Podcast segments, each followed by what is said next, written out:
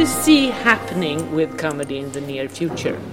I don't know. Uh, I, I think the whole point of comedy, in a way, is it should surprise you. So uh, I'm glad that I don't know what will happen with comedy. I think the, my only worry about comedy is that uh, drama will take over and that people will feel they need to make lots of things in which people are murdered, uh, and and people find out who did the murder, and then it ends. So uh, I would hope that there will still be some money left to make people laugh, because I think they deserve to be laughed at. No, they deserve to be laughed with. What's your best advice for filming comedy?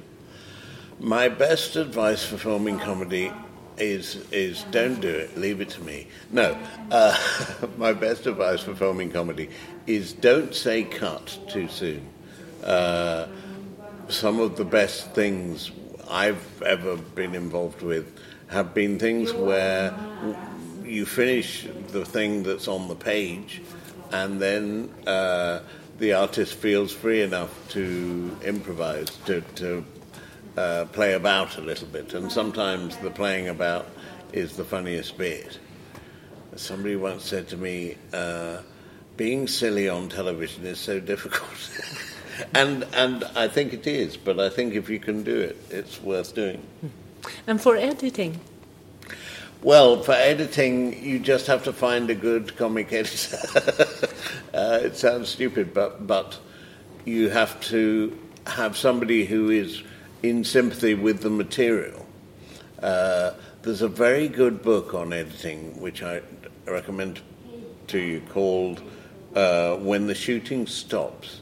It's written by a man called uh, Ralph Rosenbaum, I think, and he was the guy who edited Annie Hall, uh, the movie, and and he writes about how they edited Annie Hall in the way in which it was written, and at the end of it, it just completely didn't work.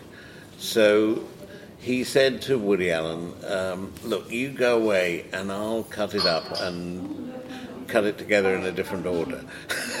and he did, and hooray, it won an Oscar. So, you know, just just find an editor who's sympathetic to the material, and then let him do what he has to do, and fiddle with it afterwards. and what's your most important task as a producer? Uh, keep the uh, broadcasters away until you're ready to show them something.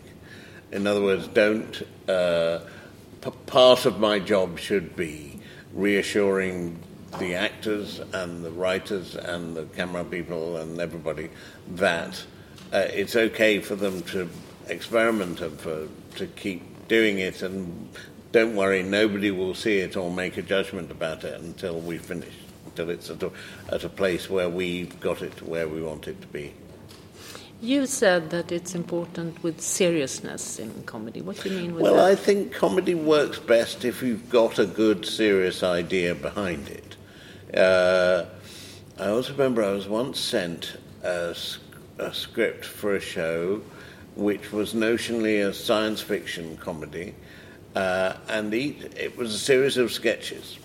And each sketch began in the year um, 2070, uh, people can fly.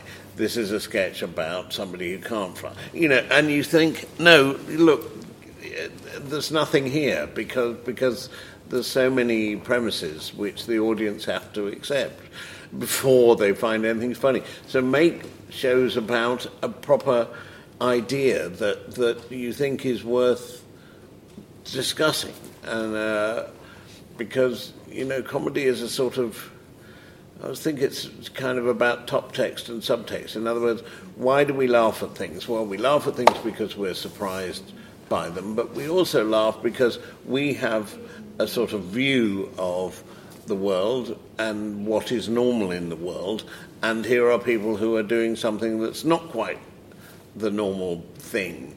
So it has to be, I think, about something serious to start with, and then play about with it. And what's your best advice to a young uh, upcoming producer? Uh, no.